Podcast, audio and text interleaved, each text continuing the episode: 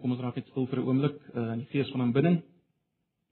En ons vra dat die Here self vanoggend uh, met ons sal werk, sal praat deur sy woord en deur die werking van sy gees en uiteindelik uh, sodat ons kan verander. Sodat ons meer lof en meer aanbidding aan hom kan toebring. Dis waarvoor ons hier is broers en susters. Nie om ons tyd om te kry nie, maar sodat ons verander kan word. En dis my gebed dat hy wat die hoof is van ons as liggaam dit sal doen ook vanoggend. Kom ons bid net saam. Ja Here baie dankie dat ons nou na U kan kom. Nie na U wat die een is ver bo wat ons kan ooit sal kan begryp. U die een wat is en wat was en wat sal kom. Die almagtige. Aan U kom al die lof, toe al die eer en al die aanbidding. Here, ons is gemaak vir U. Ons is gemaak om U te aanbid. Daarom is ons diep bewus in hierdie oggend van die groot sonde in ons lewe, naamlik dat ons U nie aanbid soos ons U moet aanbid nie. Ag Here, ons gebed is net dat U vir oggend ons gedagtes weer sal rig op U Here ons kom na U net soos ons is, gebroke, vol ongeregtigheid, maar ons kom na U met vrymoedigheid op grond van die werk wat U Here Jesus in ons plek gedoen het op Golgotha. Dis ons enigste hoop en enigste rede waarom ons vanoggend na U kan kom met vrymoedigheid. Dis die enigste rede waarom ons kan pleit dat U met ons sal praat.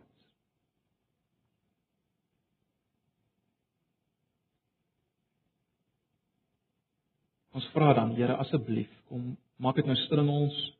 Help ons om te kan konsentreer om te kan hoor wat U vir ons sê. Ek bid vir elkeen wat hier vanoggend hier is en nie kan wees nie as gevolg van een of ander omstandigheid, siekte, ander nood. Ag Here, wil U ook Uself aan hulle openbaar in hierdie oggend op 'n baie besondere wyse. Ons vra hierdie dinge in Jesus se naam. Amen. Presies, as ons blaai na Efesiërs, ons is steeds besig met Efesiërs. Ehm um, ek wil maar net noem, ek dink in die bulletin is daar 'n preekraamwerk wat u net help om om by te bly, 'n preekraamwerkie in die bulletin.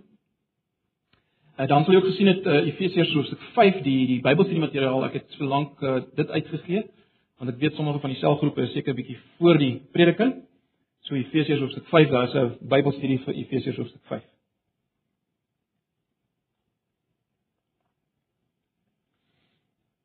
Ons kom vanoggend by Efesiërs hoofstuk 3 vanaf vers 14. Kom ons lees saam vanaf vers 14 van Efesiërs hoofstuk 3. Ek lees die 83 vertaling. Daarom kniel ek in gebed voor die Vader aan wie die hele gemeenskap van gelowiges in die hemel en op aarde sy bestaan te dank het. Ek bid dat hy deur sy gees uit die rykdom van sy heerlikheid aan julle die krag sal gee om innerlik sterk te word dat Christus deur die geloof in julle harte sal uh woon en dat julle liefde gewortel en gegrondves sal wees. Mag julle in staat wees om saam met al die gelowiges te begryp hoe wyd en ver en hoog en diep die liefde van Christus strek. Mag julle sy liefde ken, liefde wat ons verstand te bowe gaan en mag julle heeltemal vervul word met die volheid van God aan hom wat deur sy krag wat in ons werk magtig is om oneindig meer te doen as wat ons bid of dink. Aan hom kom die eer toe in die kerk deur ons verbondenheid met Christus Jesus deur al die geslagte heen tot in alle ewigheid. Amen.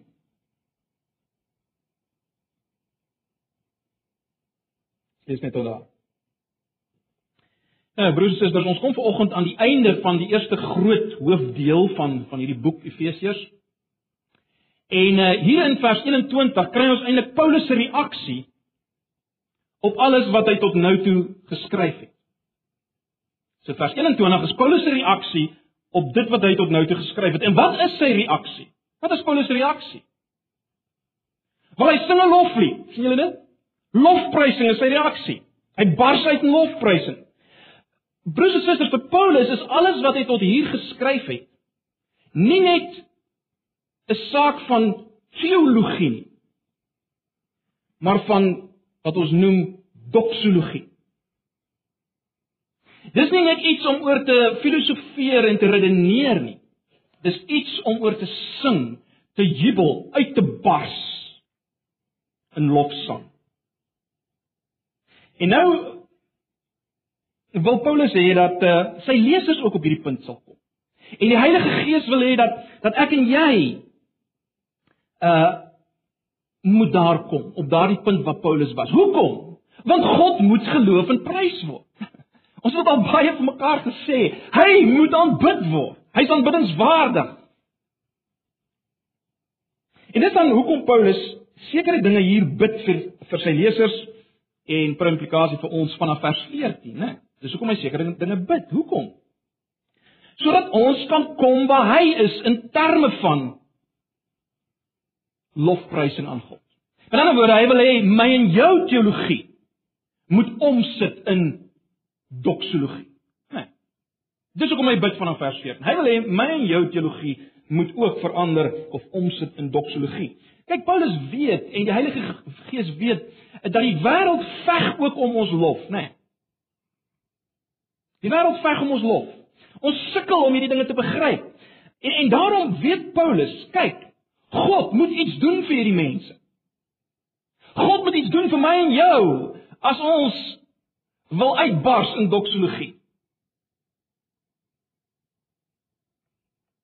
En dis waarvoor hy bid. Dis hoekom hy bid.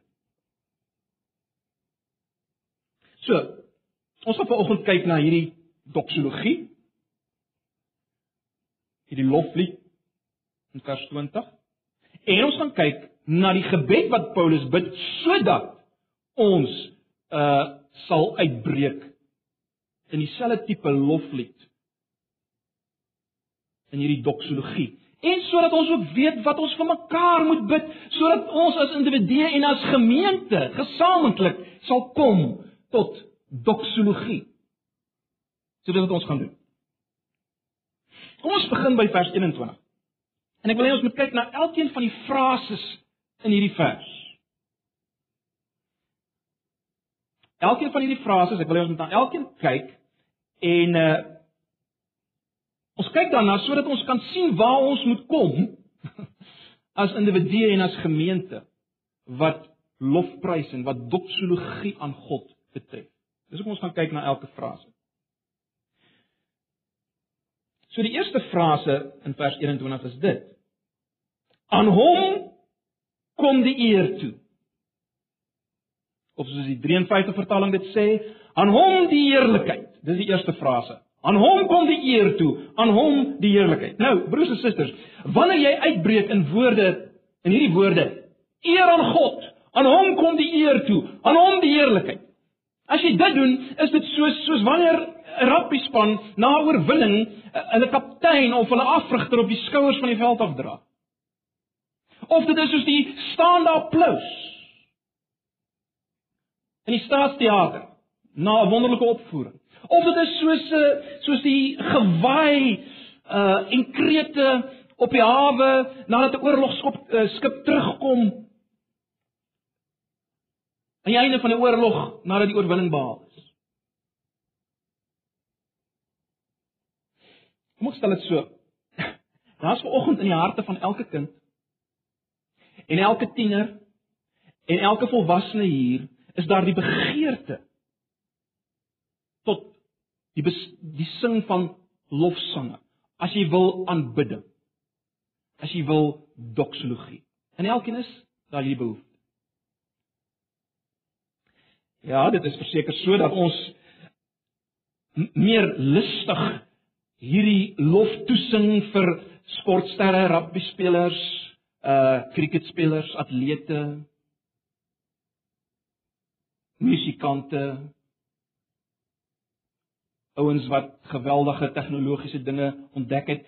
Dit is sodat ons meer lof aan hulle toesing as aan God. Die punt is maar net vanoggend hierdie ding wat ek noem doxologie is in elkeen van ons, né? Nee. Ons is gemaak om te aanbid te sing. Ons is gemaak, as ek dit so kan stel, om 'n held te hê waaroor ons kan spog. God. Ons is gemaak om 'n held te hê waaroor ons kan spog, naamlik God. Ons is daarvoor gemaak, jy. Die hoofrede, broers en susters, kom ek stel dit eers so. In ander woorde, as ons praat van van doxologie, van lofprysing, dan weet ons waaroor dit gaan. Die realiteit is aan ons bekend. Ons almal het dit al gedoen.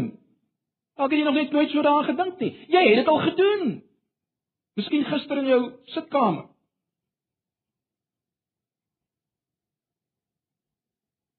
Dis realiteit. Ons weet wat dit is.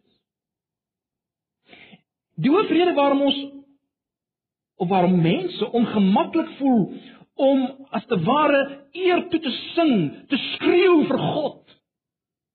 Is omdat God nie so werklik vir hulle is soos uh Andre Rieu of Chatley Pew. Hy is so werklik vir hulle. Jy sien om uit te breek in bewondering vir God op die manier wat Paulus dit hier doen, is dan nodig dat daar iets gebeur. Uh meer as net kennis is nodig van wie God is.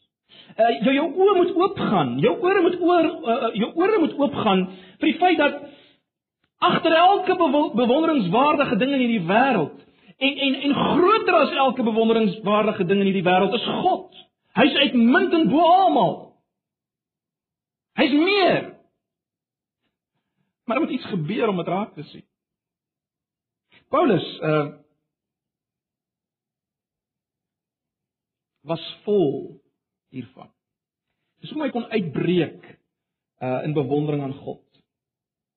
Sy bewondering vir God was onbeperk, broers en susters.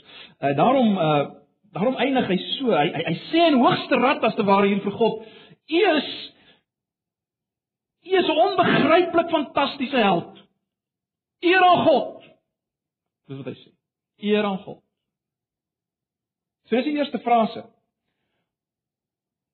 Aan hom kom die eer toe. Dis waarna ons moet beweeg.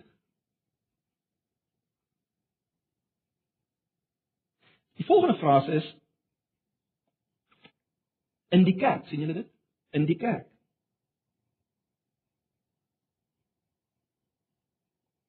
Chatlik Liu word geëer in die swembad. Andre Rieu word geëer in die teater. Paulus sê aan Christus uh, uh die die eer in die kerk kom aan Christus toe. En ons weet nou die kerk is nie gebou nie, dis ek en jy. Onthou julle hoofstuk 2 vers 10? Onthou julle dat aan die owerhede en magte in die hemelruim, die goeies en die slegtes, word die menigvuldige, die veelkantige, veelkleurige, onthou julle die skildery, wysheid van God bekend gemaak deur die kerk en dan veral die manier waarop die kerk bymekaar gebring word. Deur die prediking van die rykdomme van Christus deur gewone werktye. Die punt is Die wysheid van God word aan die owerhede en magte bekend gemaak deur die kerk. En daarom is die logiese dat die kerk die plek is wat bestaan. En ek sê die plek, dan bedoel ek daar waar ons bymekaar is as sy kinders, die kerk. Dit is net logies dat ons bestaan om korporatief en sigbaar, hoorbaar doxologie aan God toe te bring. Ons bestaan nie net om programme uit te werk nie. Ons bestaan nie net vir aktiwiteite nie. Ons hele bestaan is geleen doxologie. Lofprysing. So dis waarna ons moet beweeg. Dis hoekom ons die gebed nodig het waarby ons nou net gaan kom, né? Nee. Dis waarna ons moet beweeg. Die volgende frase is dit. Die uh 83 vertaling sê deur ons verbondenheid met Christus Jesus. Die 53 vertaling, die meer letterlike vertaling sê bloot in Christus Jesus. So dis die volgende frase. So in die kerk die eer aan hom in die kerk in Jesus Christus of deur ons verbondenheid met Jesus Christus. Kom ek probeer dit so verduidelik. As die kerk die teater is, as die kerk die teater is waar die owerhede en magte in die hemelruim die heerlikheid van God se veelkleurige wysheid sien, wel dan is Jesus Christus die beliggaaming van daai wysheid. Jesus Christus is die hoofkarakter in hierdie drama wat opgevoer word. In die teater van die kerk. Ek en jy ons saam wees. Jesus Christus is die hoofkarakter. Met ander woorde, die manier waarop die kerk God verheerlik is bloot as ek dit so kan stel om die arena te voorsien waarin die werk van Christus kan plaasvind. Die fokus is op hom. Die fokus is op hom. En ons weet dit, ons is sy hande, ons is sy voete, ons is sy liggaam. Die klem is op hom. In Christus Jesus. En daarom kan jy sien jy het nodig om opgewonde te raak oor hom. Ons kan die beeld selfs verander. Ons kan sê of ons kan die ons kan die kerk sien as uh, as 'n hospitaal wat deur God gestig is. En uh, Jesus Christus, die seun van God, is die enigste geneesheer, die enigste dokter in hierdie hospitaal en daarom elke stuk chirurgie wat uitgevoer word, elke genesing wat plaasvind, al die eer kom aan God toe daarvoor. Al die eer kom aan God toe daarvoor.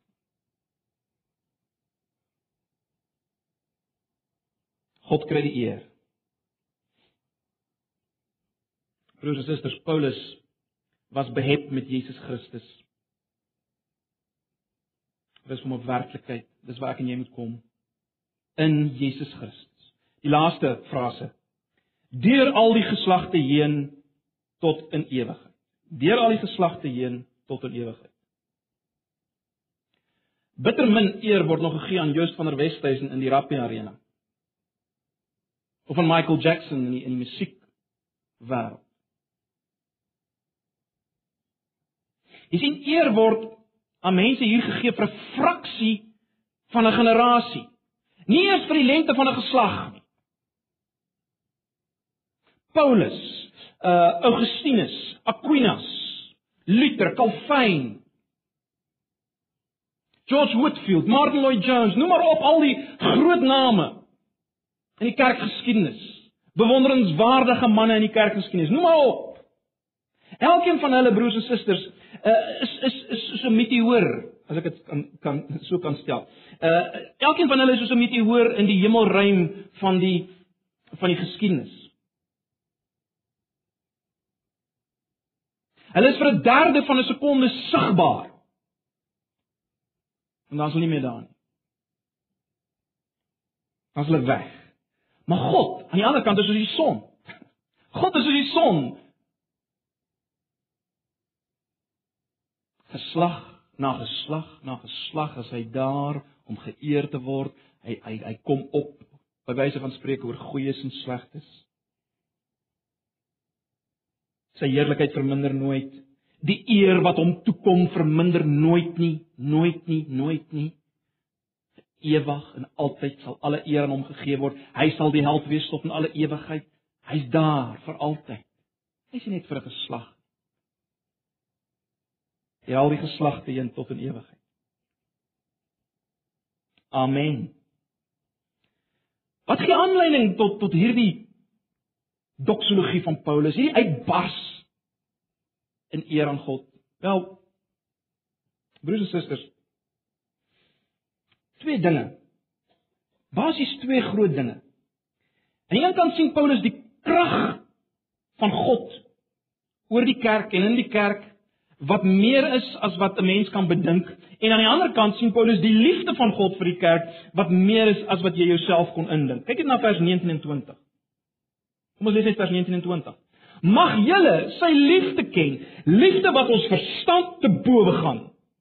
En mag julle heeltemal vervul word met die volheid van God. Maar julle sien dit in die eerste deel van vers 19. Mag julle sy liefde ken, liefde wat ons verstand te bowe gaan. En dan in vers 20. Aan hom wat deur sy krag wat in ons werk magtig is om oneindig meer te doen as wat ons bid en dink. sien julle die die parallel? Liefde wat alle verstand te bowe gaan, krag wat ver bo is bo wat ons kan dink. En is hierdie twee dinge wat Paulus laat uitbars in lofpryse. Julle sal weet, ek het al baie verwys na Openbaring 5 vers 5, waar Johannes in trane is omdat daar niemand is wat die seël van die geskiedenis kan oopbreek. Aan die ander woord die geskiedenis kan dit afloop nie. En dan sê een van die ouderlinge vir hom, moenie huil nie. Kyk, die leeu uit die stam van Juda, hy, hy kan dit doen. Hy kan die geskiedenis oopbreek en dit plaasvind. En dan kyk Johannes. En as hy kyk om die leeu te sien, wat sien hy? Hy sien die lam wat geslag is. Jy sien dis die twee elemente wat wat uiteindelik die hemel laat uit bars lofprys. Die krag van 'n leeu en die sagtheid van die lam of dan die liefde wat daardeur uitgebeeld word. Hierdie twee gekombineer, dis dis wat aanbiddingswaardig is van God, van God in Christus Jesus. Krag en absolute opofferende kruisliefde. Leeu is die lam en die lam is die leeu. Ons kan dit anders stel broers en susters. Ons kan sê wanneer die ligmassa van God se liefde en die ligmassa van God se krag ontmoet, dan ontstaan daar 'n tropiese sikloon van lofpryse. En dis wat in Paulus se lewe gebeur het.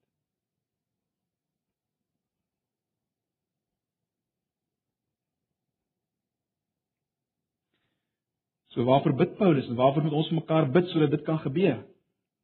Welkom ons kyk. Eerstens moet daar wat ek wil saamvat innerlike krag vir ons gegee word. Innerlike krag, vers 16 en 17. Ek gaan albei vertalings lees vers 16. Ek bid dat hy deur sy gees uit die rykdom van sy heerlikheid aan julle die krag sal gee om innerlik sterk te word dat Christus deur die geloof in julle harte sal woon en dat julle in die liefde gewortel en gegrondves sal wees. Die 53 vertaling sê dat hy aan julle mag gee na die rykdom van sy heerlikheid om met krag versterk te word deur sy gees in die innerlike mens.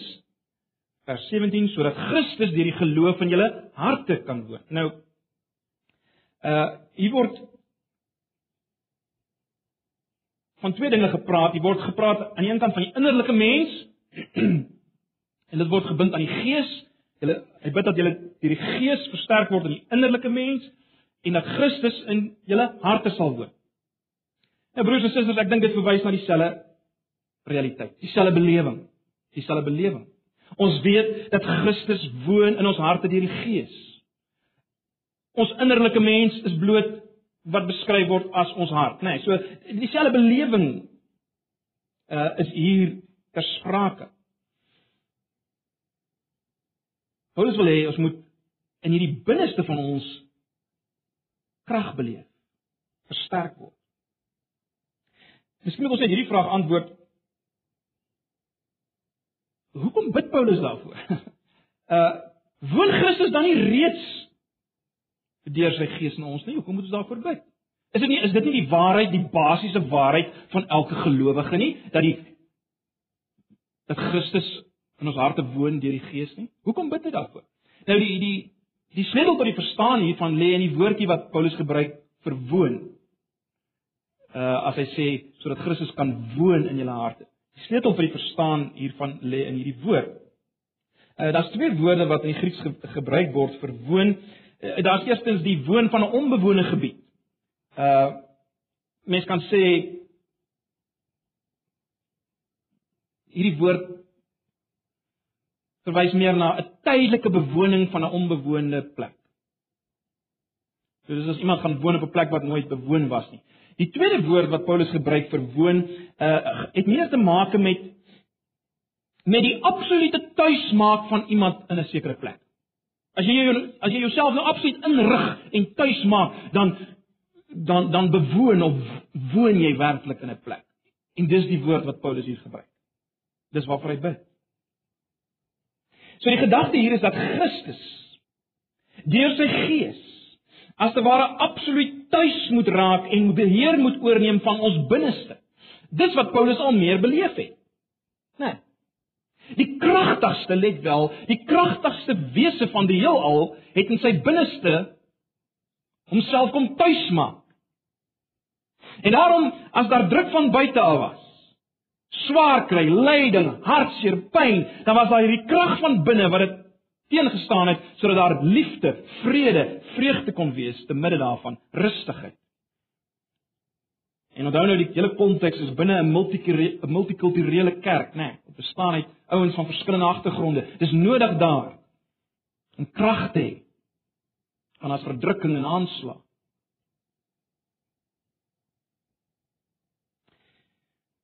Die punt is Paulus het iets van hierdie innerlike krag van God beleef elke dag. Daarom kon hy uitbars in doxologie en aanbidding. En God moet iets vir ons doen. Dit wat Paulus hiervoor bid moet by ons gebeur, broers en susters, as ons daartoe wil kom. Kom nie van self nie, daar moet gebid word voor.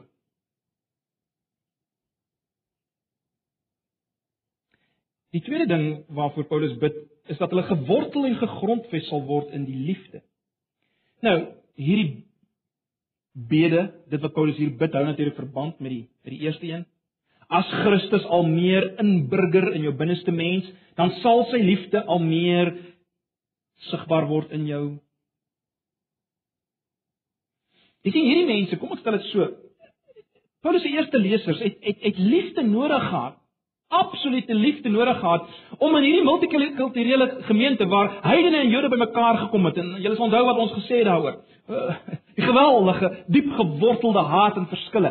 Hulle het liefde nodig gehad om saam te kom en let wel, saam 'n plek te word waar God geloof en geprys word.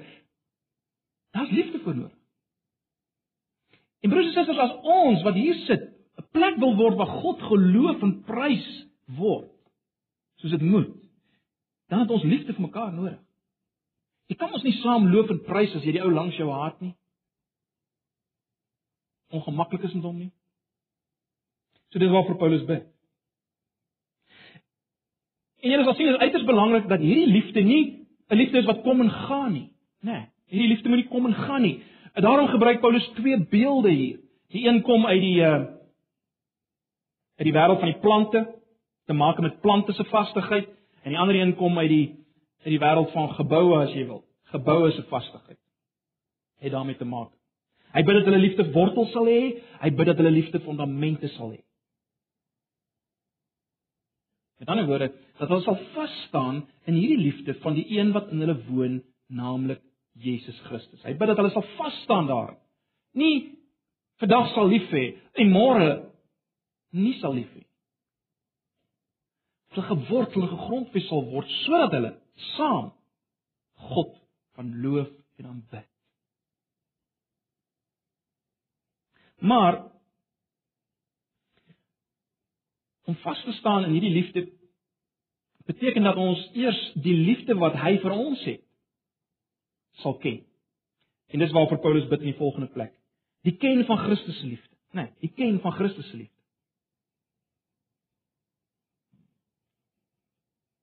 Vers 18: Mag julle in staat wees om saam met al die gelowiges te begryp hoe wyd en ver en hoog en diep die liefde van Christus strek.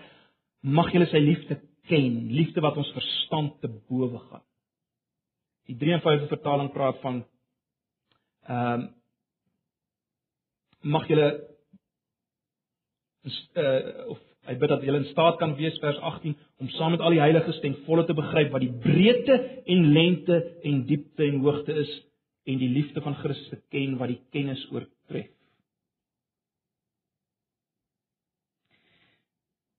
Baie interessant. Ons het krag nodig om om lief te hê en ons het krag nodig om te begryp hoe lief Christus ons het. Uh as Paulus sê ek bid dat julle in staat sal wees om hierdie liefde te begryp, jy sou dit kon vertaal met ek bid dat julle die krag sal hê om dit te begryp. Die liefde van Christus. Paulus wil hê hulle moet moet iets van die breedte van Christus se liefde begryp. Daardie liefde wat uitstrek verby die Jode na die verwerplike heidene, vyande van God wat hom haat. Daardie liefde, dat hulle dit moet ken. Die die lengte van Christus se liefde wat wat tot in ewigheid sal bly. Die hoogte van sy liefde wat wat hulle uiteindelik verhoog om saam met Christus te sit in die hemele. Om dit anders te stel, hulle moet besef dat dat hulle nie sywaarts en opwaarts of afwaarts kan wegbeweeg van sy liefde nie. Dis oral. Dis oral. Niks kan hulle skei nie, nie nie hoogte nie, nie diepte nie, niks nie. Soos hy in Romeine 8 sê. Niks kan hulle skei van hierdie liefde. Paulus bid daarvoor. Hy bid dat hulle dit sal begryp. Let wel saam met al die heiliges.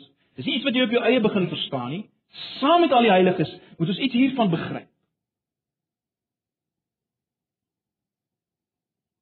Maar Paulus bid daarvoor. God moet ons daarmee help. God moet ons krag gee.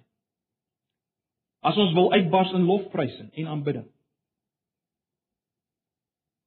En dan net die laaste frase van vers 19 en mag julle heeltemal vervul word met die volheid van God.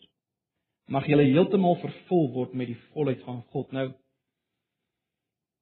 dis dis 'n onbegryplike bede, is dit nie? Want hierdie gedeelte of hierdie frase kan op twee maniere vertaal word. Dit kan of verwys na die die volheid wat God gee of dit kan verwys na die volheid wat God self besit. Nou ons sal gewoonlik kies vir die eerste een, maar taalkundig dui dit dui alles daarop dat Paulus eintlik praat van die tweede volheid. Hy wil hê ons moet die volheid hê wat God besit. Dit is onbegryplik. Dis te veel vir ons, né? Nee. Maar broers en susters, ek dink ons maak 'n fout as ons gaan begin redeneer oor hoe is dit dan nou moontlik? Kan ons soos God word? Dis nie die punt nie.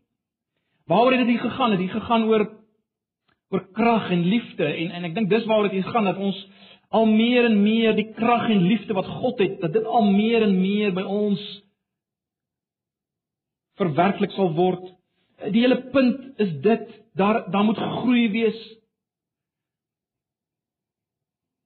Die eindpunt is geweldig ver as ek dit so kan stel. Daar's baie groei moontlik vir elkeen van ons. Dis die punt. Totdat ons vervul is met die volheid van God wat betref sy krag en sy liefde.